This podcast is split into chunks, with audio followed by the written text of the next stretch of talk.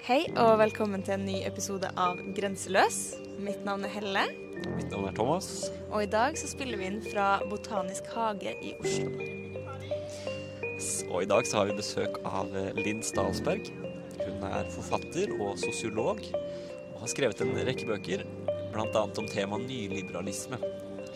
Yes. Så i dag så skal vi snakke en del om nyliberalisme. Hva er det? Um, hvordan påvirker det psyken vår? Og kanskje da gjerne spesielt inn mot om man skal kalle det det normalpsykologiske.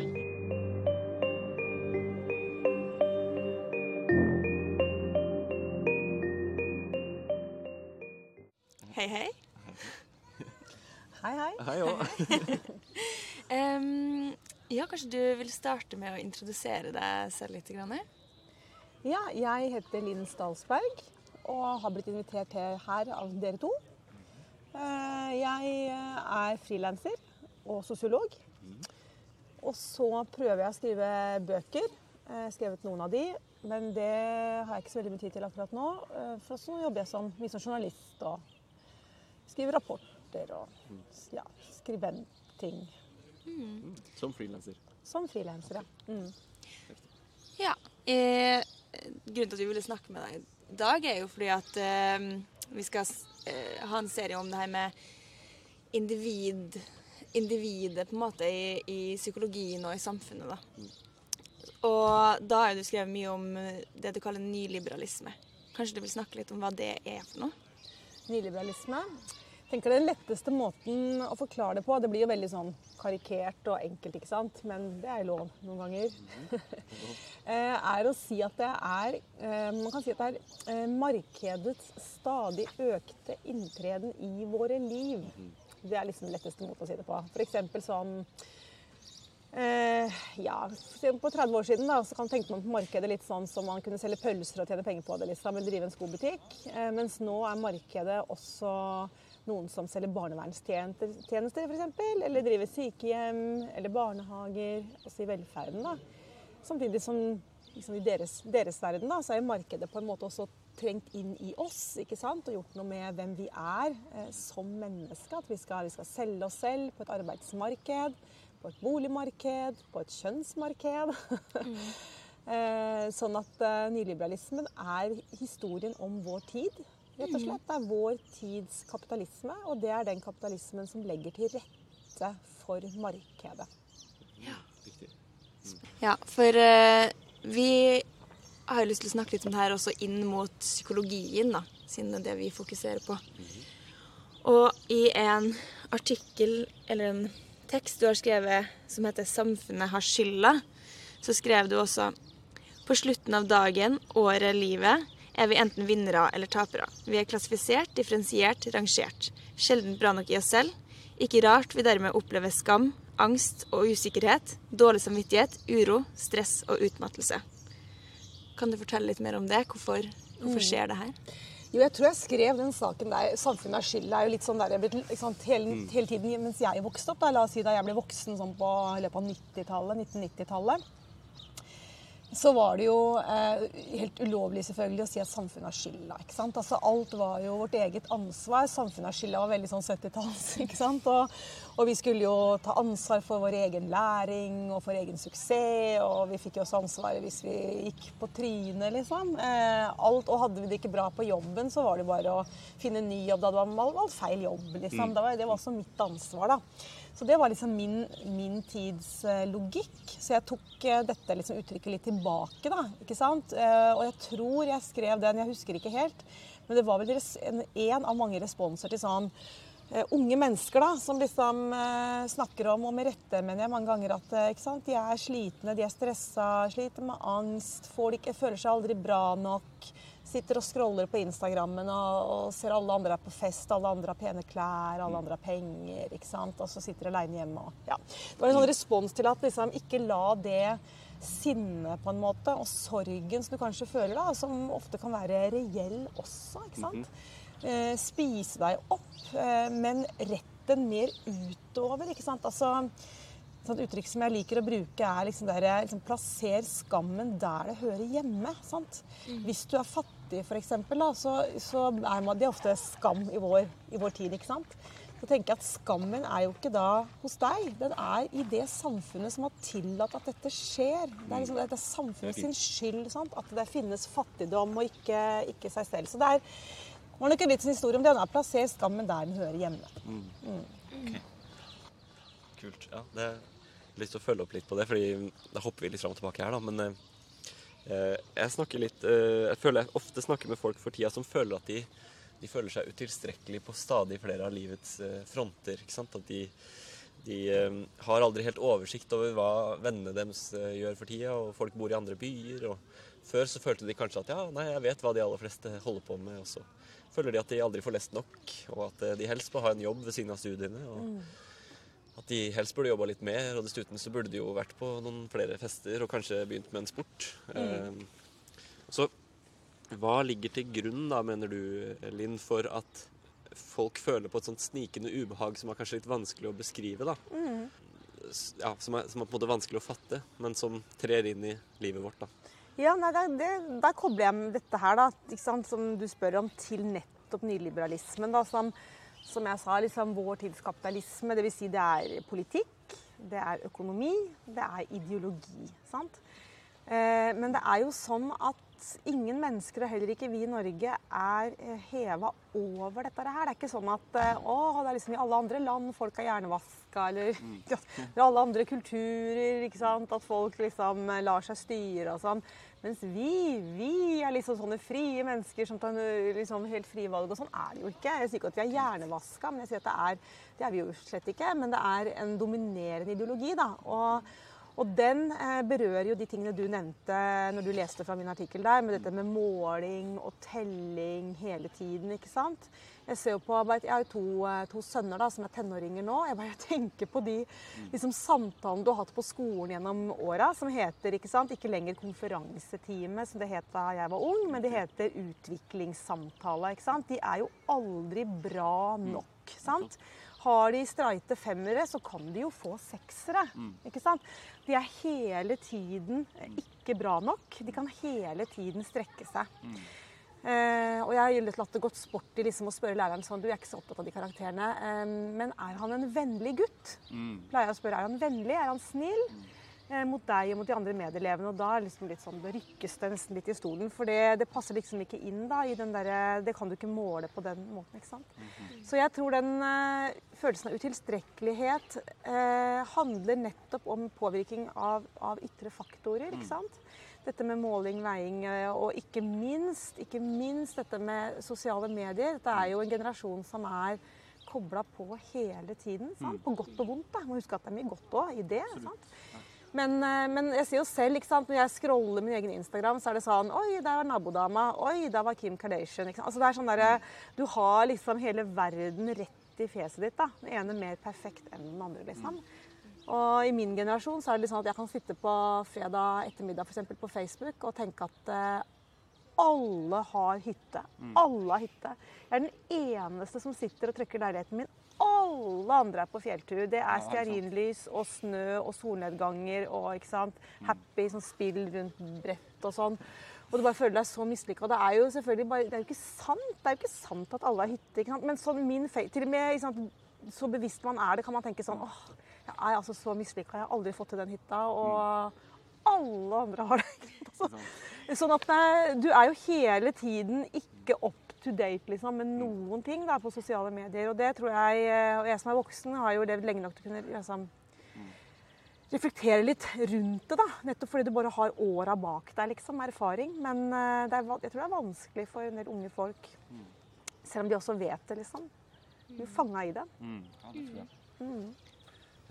Ja, du er jo litt inne på det her nå, men um, altså hvis, uh, hvis man kjenner på den der eh, følelsen at, eh, av misunnelse, da, eller Mm. kall det skam, eller hva som helst over at man ikke har hytte, f.eks., så vil jo på en måte dagens medisin, hvis man leser- selvhjelpslitteratur, vil jo være å eh, si at ja, men hvorvidt du er misunnelig eller ikke, det er noe du velger. ikke sant? Det er opp til deg som et individ. da. Og det er jo på en måte det, For å komme litt inn på dagens tema her nå, så er det på en måte det er kanskje en tendens til at eh, eh, svar på vårt eget ubehag, da, som kanskje har en eller annen ekstern eh, kilde, da, hvis, sånn som litt du skriver om, Det det, på en måte, det er å finne i oss selv. ikke sant? Vi kan alltid velge hvordan vi forholder oss til ting. Så hvordan, hvordan, mener du Altså, har eh, Bidrar psykologi eh, til eh, individualisme? Mm. Jeg tror dere kan uh, mer om enn meg, da. Dette er jo deres fag. Men, uh, men det er jo, det, dette er jo som en Det fins mange ord og uttrykk og begreper i vår tid som jeg tenker er typisk nyliberale. sant? Uh, og det at man f.eks. blir beskyldt for å være misunnelig når man reagerer på urett og urettferdighet, det tenker jeg er veldig typisk. da. Hvis jeg f.eks. ønsker å skattlegge de rikeste mye hardere, ikke sant? Jeg ønsker å redusere størrelsen på hyttefelt fordi det ødelegger naturen. Så kan det bli møtt med å si at du er bare misunnelig. Eh, nei, jeg er ikke misunnelig. Jeg syns det er veldig urettferdig. Og det er en urett struktur i vårt samfunn at noen kan bo i villa med svømmebasseng, og andre ikke gjør det. Altså Det er urettferdighet. Og så og så blir man beskyldt for misunnelse, og med det pålagt sånn som du sier da, å finne seg en selvhjelpsbok eller en psykolog som får deg til å liksom, eh, bearbeide de ubehagelige følelsene. Da. Og da, da, tenker jeg at det må vi snu litt rundt og bare stå med rak rygg og si nei, vet du hva, det er ikke misunnelige, men det er skikkelig urettferdig. Mm. Eh, akkurat det samme som når vi blir kritisert av Eh, av andre i andre land f.eks., eller som har det vanskeligere enn det vi rundt bordet her har det. ikke sant? Så kan man også tenke at ja, det er faktisk urettferdig. For eksempel, jeg tenker, jeg bor jo, Nå sitter vi på Tøyen, jeg bor ikke så langt herfra. Og jeg syns det er skikkelig urettferdig at jeg skal sitte og eie en leilighet da, sammen med banken, mm. mens jeg har familier, eh, gjerne med innvandrerbakgrunn, rundt meg, som bruker opp alle pengene sine på leieleiligheter. De mm. får ikke lån, og vi har liksom de facto de samme utgiftene i måneden. ikke sant? Og det er jo også, eh, og den familien som opplever dette, er jo ikke misunnelig på meg. Ikke sant? Det er ikke misunnelse, men det er kjempeurettferdig at jeg skal ha det privilegiet fordi jeg kom inn på boligmarkedet på et tidligere, tidligere stadie. ikke sant? Eh, og at de ikke har det. Så det, er, eh, det vil være helt absurd at jeg sier at det er Og dere er bare misunnelige. Nei, det er urettferdighet i et strukturelt system, og vi bør liksom Jeg og dem, da, som et eksempel, stå sammen om å påpeke den urettferdigheten. Og der tenker jeg at der kan jo Jeg vet ikke, jeg er jo egentlig bare positive erfaringer med psykologer uansett, så jeg, jeg tror ikke det er så mange som går seg helt vill i det. men det kan vel kanskje jeg vet ikke, i deres fagfelt være en viktig diskusjon da, mm. når man møter folk. ikke sant? Og, og ha med seg samfunnsutviklingen parallelt. Altså det, det, er liksom sånn Sitter hos psykologen og har skikkelig dårlig råd, så, så, er det jo ikke så mye psykologen kan gjøre egentlig. ikke sant? Sånn. Det, du kan ikke tenke deg vekk fra ubetalte regninger, liksom. Mm. Det er et godt poeng. Mm. Ja, da er vi jo litt inne på det her med på en måte psykologen Eh, sin rolle, eller Ja. Og et annet, eh, i en annen tekst du har skrevet, så har du også sitert litt eh, Per Espen Stoknes, det han har skrevet, eller sagt. Eh, hvordan eh, man fra terapirommet kunne se hele samfunnet, organisasjoner og økonomi som skaper denne strømmen av utbrente, utbrente, deprimerte, engstelige og ulykkelige mennesker. da av samfunnsstrukturer. Da. Mm. Og så øh, skrev du Stoknes vendte fokuset ut mot strukturene istedenfor. Mm. Hvordan kan man gjøre det? Hva er det man kan gjøre da? Nei, han, eh, han, skriver jo om dette i den boka si som heter 'Grønn vekst', som kom i 2020, tror jeg. Mm. Da skriver jo han sin egen vei fra å ha vært en praktiserende psykolog Eh, hvor han opplevde dette du siterer. da, ikke sant? At han følte at han bare, du reparerer mennesker, så kaster du dem ut i den samme strukturen, som igjen liksom sliter ut nye mennesker, eller de samme. Så han valgte jo å ta skrittet liksom fullt ut, kan du si, ikke sant? og ble økonom. Eh, og jobber nå på BI. For å liksom, prøve å ta, eh, gjøre noe med strukturen. da. Jeg vet ikke helt han, liksom, hvordan han reflekterer rundt det i dag, men det, det er jo et drastisk skritt. da. Altså, Vi trenger jo psykologer òg, liksom. Så, så han er jo nå begge deler. men men eh, jeg tenker at eh, jeg, jeg, jeg tenker også på at f.eks. hun Sally Weintraub, som også er psykolog, amerikansk, som nylig ga ut en bok om klima- og miljøspørsmål versus det å være psykolog. At hun møter pasienter da, som er opprørte og i angst og sånn pga. det som skjer med klima. Og da tenker hun, da er det min plikt, skriver hun den boka, som psykolog, å sette meg inn i klima og miljø. Jeg må kunne det. Jeg må vite hva klima og miljø er for noe. Hun er kjempegod på det. ikke sant? Eh, og da kan hun forstå pasientene sine bedre da, når de kommer med de problemstillingene. Og det tenker jeg også at eh, psykologer har et ansvar på å forstå samfunnsstrukturen. da, ikke sant? Altså når det kommer pasienter som sliter med økonomien, da, som aldri får kjøpt denne leiligheten, ikke sant? så er det litt sånn stikke fingeren i jorda og tenke at det, den pasienten gjør jo alt riktig. ikke sant? Det er sånn der, Noen mennesker gjør alt riktig, og likevel så går det ikke, liksom. Og jeg tror at det å hjelpe da den pasienten til å forstå at, eh, at det her er jo ikke din skyld. Eh, hadde jeg vært deg, så hadde jeg kanskje meldt meg inn i jeg vet ikke, Ensliges landsforening eller liksom et politisk parti. Finn et sted å, å liksom eh, få ut det sinnet, da, istedenfor at du spiser deg opp sjøl. At det er andre som også har det sånn. Det syns jeg. Jeg har jo selv besøkt psykolog i perioder av livet mitt. Av ulike grunner. Og det er jo alltid en hjelp når psykologen lener seg tilbake og litt sånn Ja, du er den femte personen i dag som kommer med ikke sant? Og du føler at det, du er ikke aleine, da, ikke sant? Om å stri med det du gjør. At, så jeg tenker at psykologer har, som alle andre mennesker egentlig på jorda, eh, som har tid til det, et, eh, et ansvar for å forstå samfunnet pasientene beveger seg i. Sant? Det er fint sagt. Ja, for det var egentlig det neste spørsmålet jeg tenkte å stille. var på en måte Hva konkret kan en psykolog gjøre? på en måte. Men da setter du jo egentlig litt svar på det nå. da. Å bare vite og bruke det, på en måte. Ja, det er jo blitt litt sånn. Jeg tenker, husk at jeg er så gammel, vet du, folkens. At, at jeg er jo sånn gammel sånn Kandmag-generasjon. ikke sant? At vi kunne Jeg flytta til utlandet og studerte, da, og der var det jo allerede etablert bachelor, så jeg har bachelor eh, i utgangspunktet. Men jeg begynte på en Kandmag en gang. Og bare det at vi kunne velge tre helt ulike fag og sette sammen, ikke sant. Historie, sosiologi, eh, psykologi f.eks. Det er et slags tap. sant? At vi ikke lenger kan gjøre det. Eh, Det er sikkert mye gevinst i bachelor også, det er ikke det jeg sier. Altså, men, men det at, man, at tverrfagligheten da, har gått litt tapt fordi ting blir så spesialisert, sant? det er jo pro og con, liksom. Og, og jeg tenker at jeg som sosiolog også har jo stor interesse og nytte av å kjenne til liksom, psykologien og hvordan dere tenker, og liksom prøve å se ting eh, liksom, tverrfaglig. da. Så det som både faglig sett, kanskje jobbe litt mer for tverrfaglighet. Stikke innom en sosiologi, statsvitenskap, forelesning hvis man har tid, liksom. Få sånn grep om det basiske der. Og så lese aviser og ja, prøve å forstå stå samfunnet. Ja, det er riktig. Sånn bare et litt apropos der, så har vi jo som, i hvert fall som en del av det, profesjonsutdanninga på NTNU, da, så er det eh, hele 7,5 studiepoeng i eh, liksom, perspektivemner. da, Ja. sånn av 360.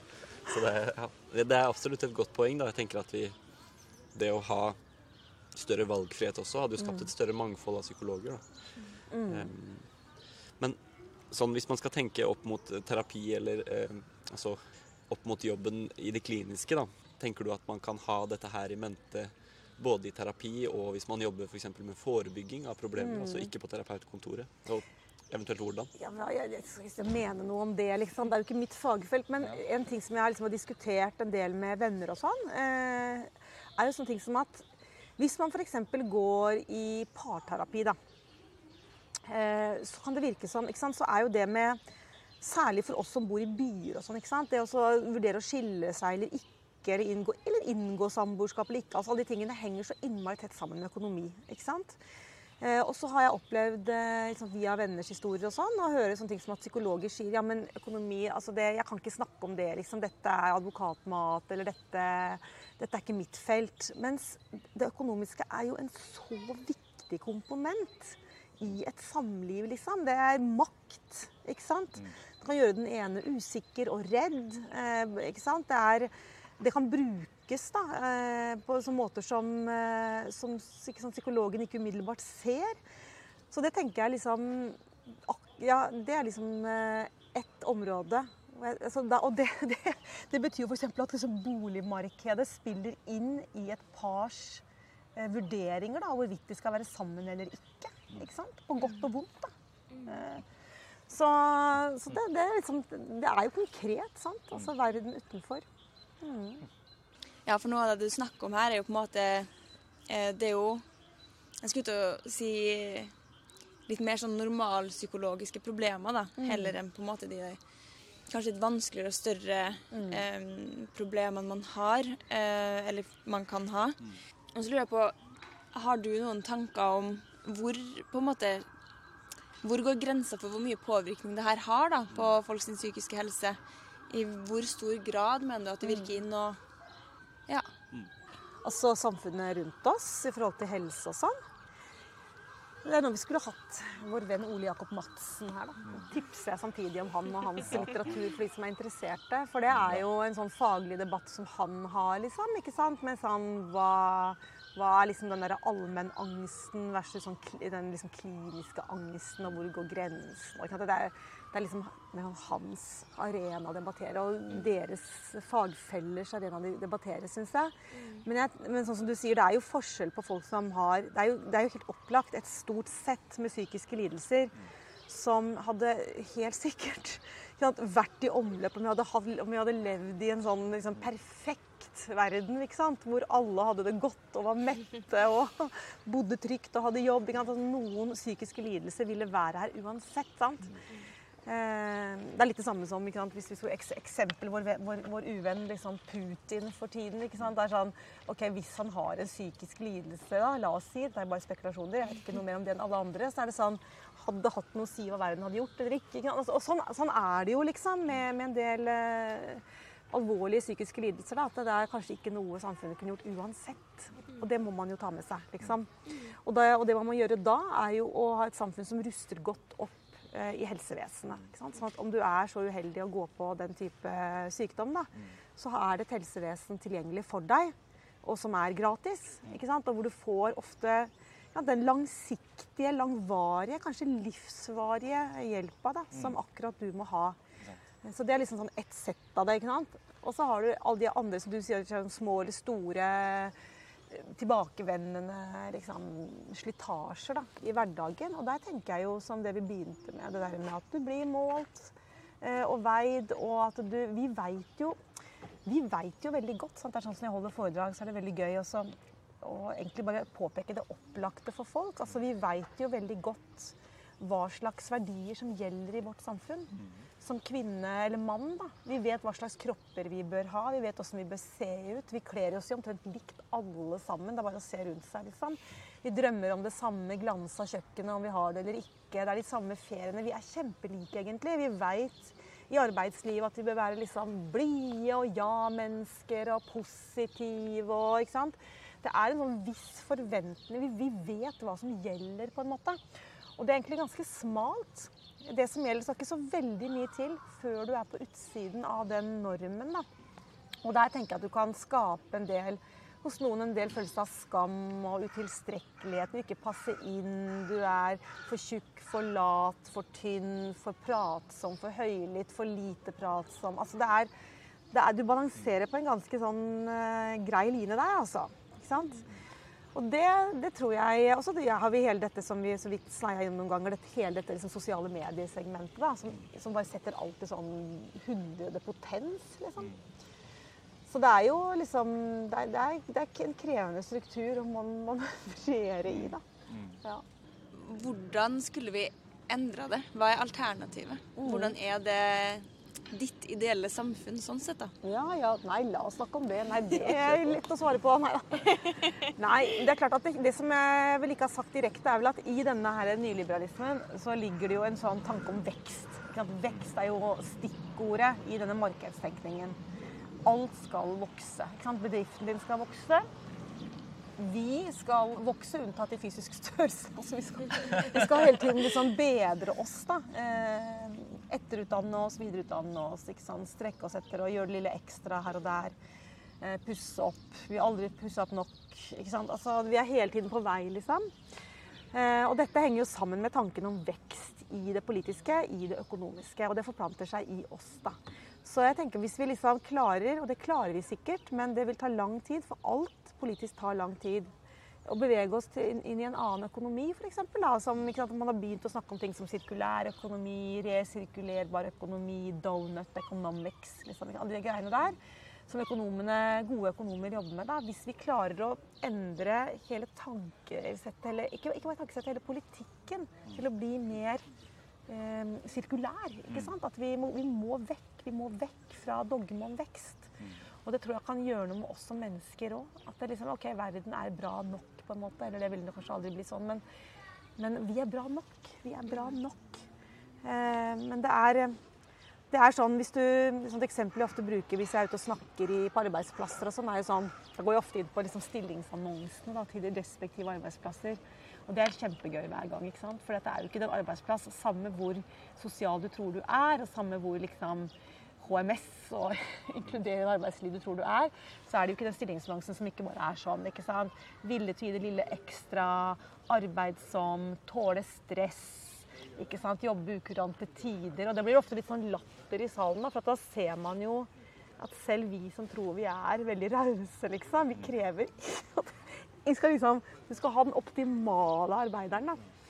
Eh, og det, det, er jo sånn liksom litt ubevisst, kanskje. At man liksom tilpasser seg den strukturen. Så jeg tror vi må konkludert, jeg tror vi må inn i en annen økonomi. Vi må inn i en annen politisk tenkning for at vi skal klare å endre oss. Vi kan ikke meditere oss vekk fra politikken. liksom. Sant. Og da, da er det litt sånn at da kommer jo den typiske harde kritikeren og sier at ja, men hvis veksten Hvis vi ikke har vekst, så går arbeidsledigheten opp, og Ja. da blir vi fattige, og så Ja. lider vi, og så må vi kvitte oss med en del av de godene eh, som vi har i samfunnet i dag, da. Ja, ja. Og mange er jo ikke villige til å kvitte seg med de godene. Hva sier du til en, eh, en kritiker som kommer og stiller deg det spørsmålet? da? Ja, da sier jeg at men hva er goder? Mm. Sant? Altså, vi, er så, vi er så vant til at goder eh, skal eh, liksom, eh, hva heter det, det skal byttes inn i forbruk eller i gjenstander og ting. ikke sant? Men goder kan jo også være mer fritid, eh, f.eks. Eh, for 100 år siden så var arbeiderbevegelsens mål var jo nettopp å veksle inn eh, bedriftens vekst i mer fritid for arbeiderne. Og så skjedde det ting da i etterkrigstida sånn, ikke sant? som gjorde at fritida fikk en lavere verdi. Mens arbeidsplassen ble liksom der alt skulle skje, der du skulle utvikle deg, ha venner. Alt skulle liksom skje der da. Og dette var en bevisst eh, utvikling, og der er vi ennå. Så jeg tenker at sånne helt konkrete løsninger som f.eks. seks timers arbeidsdag eh, eller en annen type arbeidstidsforkortelse, som gjerne, kan, eh, som gjerne også kan forklares som ikke bare da muligheten din og min og vår mulighet til å leve mer ulike liv. Vi lever så innmari like liv i dag. Jeg vil vi skal leve mer ulike liv. Hvis du vil jobbe fra seks til tolv og bruke de neste tre, ni timer på å stå og fiske, liksom, så gjør det. Altså, at vi kan gjøre mer sånn ulike ting. Da. Og, og da tenker jeg at eh, en forkortelse av arbeidsdagen også kan være en form for arbeidsdeling. Det har det jo vært før. Sant? Og det er jo ikke det at eh, samfunnet vårt ikke trenger arbeidskraft. Det ser vi jo nå, det. Vi, vi mangler arbeidskraft. Vi trenger folk sant? i helse f.eks. Og, og andre sånne basisjobber. Så det er nok å gjøre. Det er jo ikke det, liksom. Apropos helsevesenet, så har det vært en del snakk om i det siste dette med New Public Management. Som er på en Mm. måte en sånn tankegang om at man skal måle eh, alle delene av menneskenes liv, også i offentlig sektor. Da. Ja. Og en som eh, kanskje er litt mer på høyresida, vil jo si ja, hvorfor ikke? Selvfølgelig må vi jo ha eh, oversikt over hva tida vår går til. Da. Mm. Hva er eh, konsekvensene eller de negative effektene av måling? Å ja. Altså, New Public Management er jo nettopp det som kom med den der etterkrigstidas fokus på at arbeid eh, er alt. liksom. Det er der livet ditt skal skje, og du skal utvikle deg og være glad. Det kom liksom parallelt med den, eh, med den type arbeidslivstenkning. da. Og nå er jo sant, den der tillitsreformen som Arbeiderpartiet og Senterpartiet har skrevet inn i Hurdalserklæringen, er jo nettopp en kritikk av New Public Management. Det er et forsøk på å liksom, reversere den tellinga og målinga og sånn, da, som har pågått siden liksom, 80-tallet. ikke sant? På den måten det har gjort nå. Det er klart at man kan jo, Alle vil jo ha nytte og glede av å ha målt eh, arbeids, altså, at man får til ting. Men det er kanskje litt med liksom, hyppigheten av det, da. Og måten man gjør det på, og konsekvenser av målinga. Ikke sant? Altså, hvis konsekvensen bare er at du må skjerpe deg og jobbe mer effektivt eh, og prioritere for dårlig, så er jo ikke det særlig sånn, produktivt. Men hvis målinga kan fortelle en sjef at oi sånn her har vi for få ansatte på jobb, dette går jo faktisk ikke rundt. Jeg sliter med sykemeldinger og slitne ansatte. Eh, da sant, har det det for seg på en annen måte. Da. Så hvis målinga og tellinga på en måte er styrt kan du si, fra arbeiderne selv, fra fagbevegelsen, at de er liksom innforstått med at dette er bra for oss alle, så er det jo fint. sant? Men hvis det kun er et redskap for, eh, for eh, HR-avdelinga og, og ledelsen, for å finne ut om de kan presse mer liksom, ut av hver enkelt ansatt, så er det jo ikke nødvendigvis det samme gode. da. Så, men det er jo en sånn, det er jo i, hvert fall i norsk kontekst en sånn liten sånn forsøk på en reversering på gang da, via denne tillitsreformen. Men det er jo på et tidlig stadie, så vi veit jo ikke hvor det ender. Så det du sier da er på en måte at målinger og Det trenger ikke alltid å være negativt, på en måte. Det kommer bare an på hva målet med de er. Nettopp. Men det er klart at er en, dere spør et viktig spørsmål. Det er hvis dere går inn på, I Oslo så har vi en bokhandel som heter Tronsmo, sant, som er så mye som politiske bøker.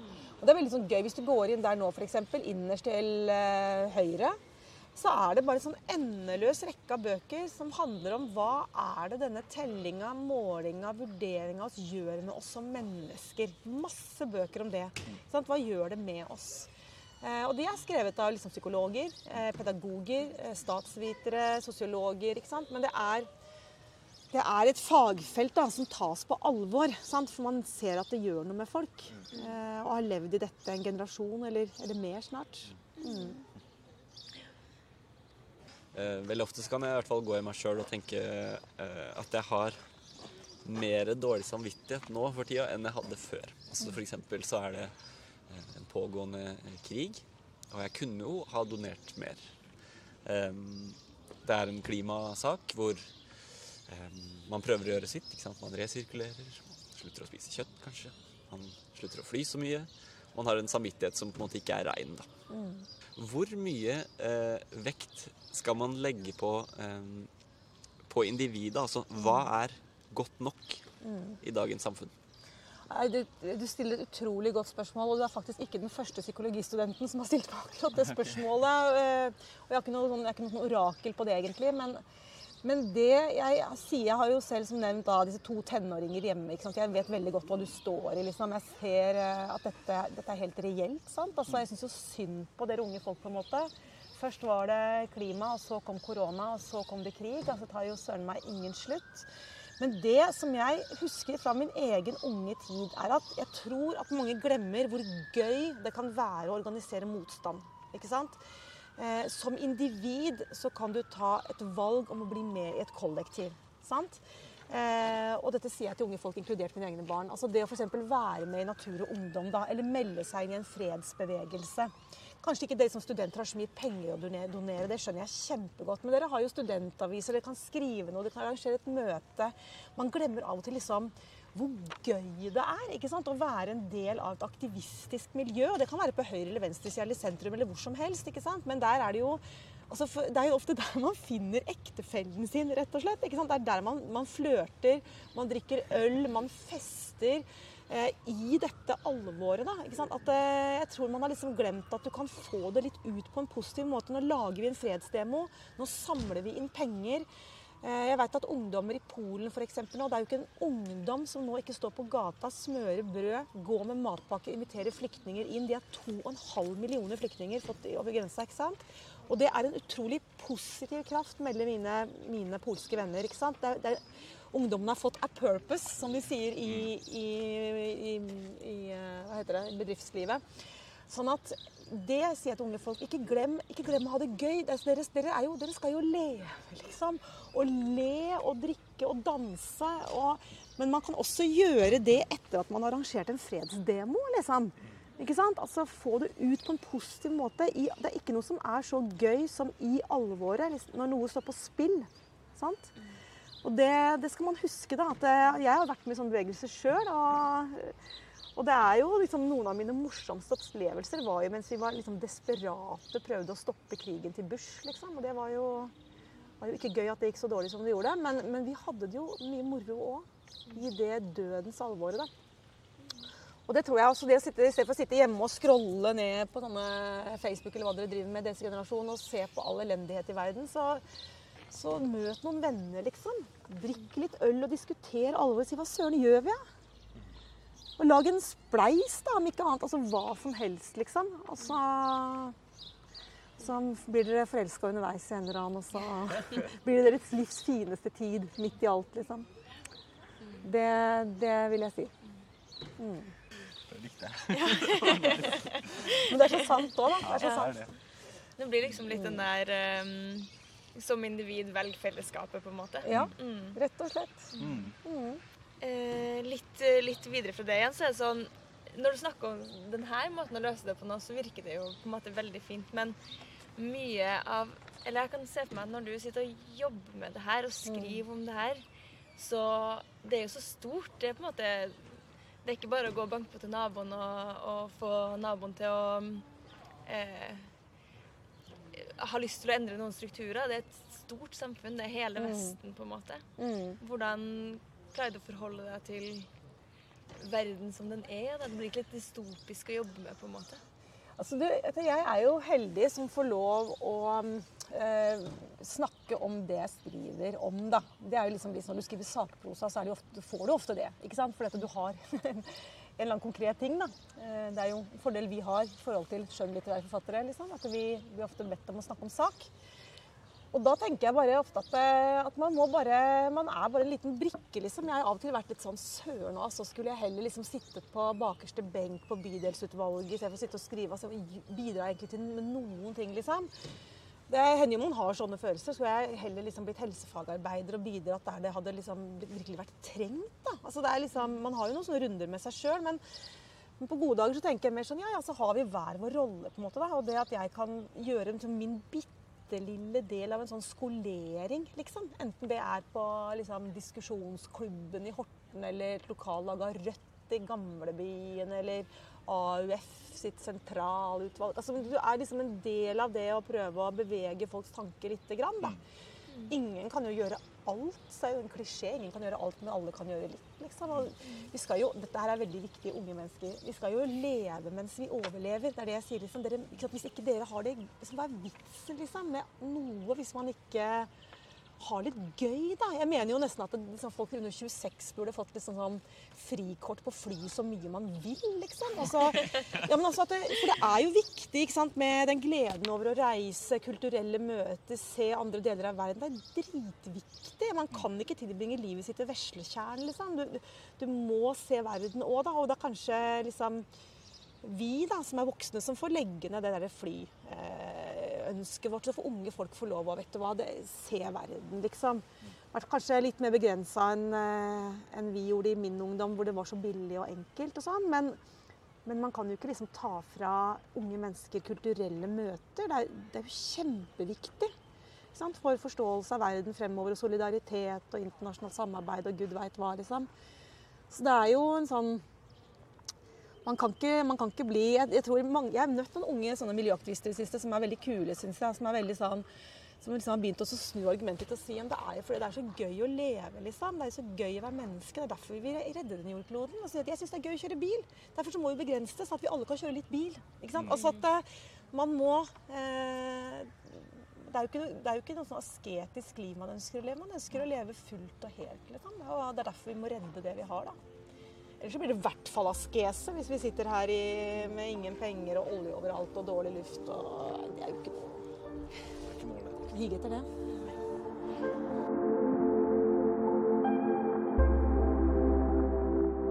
Takk for at du hørte på nok en episode med Grenseløs, psykologistudenter uten grensers egen podkast.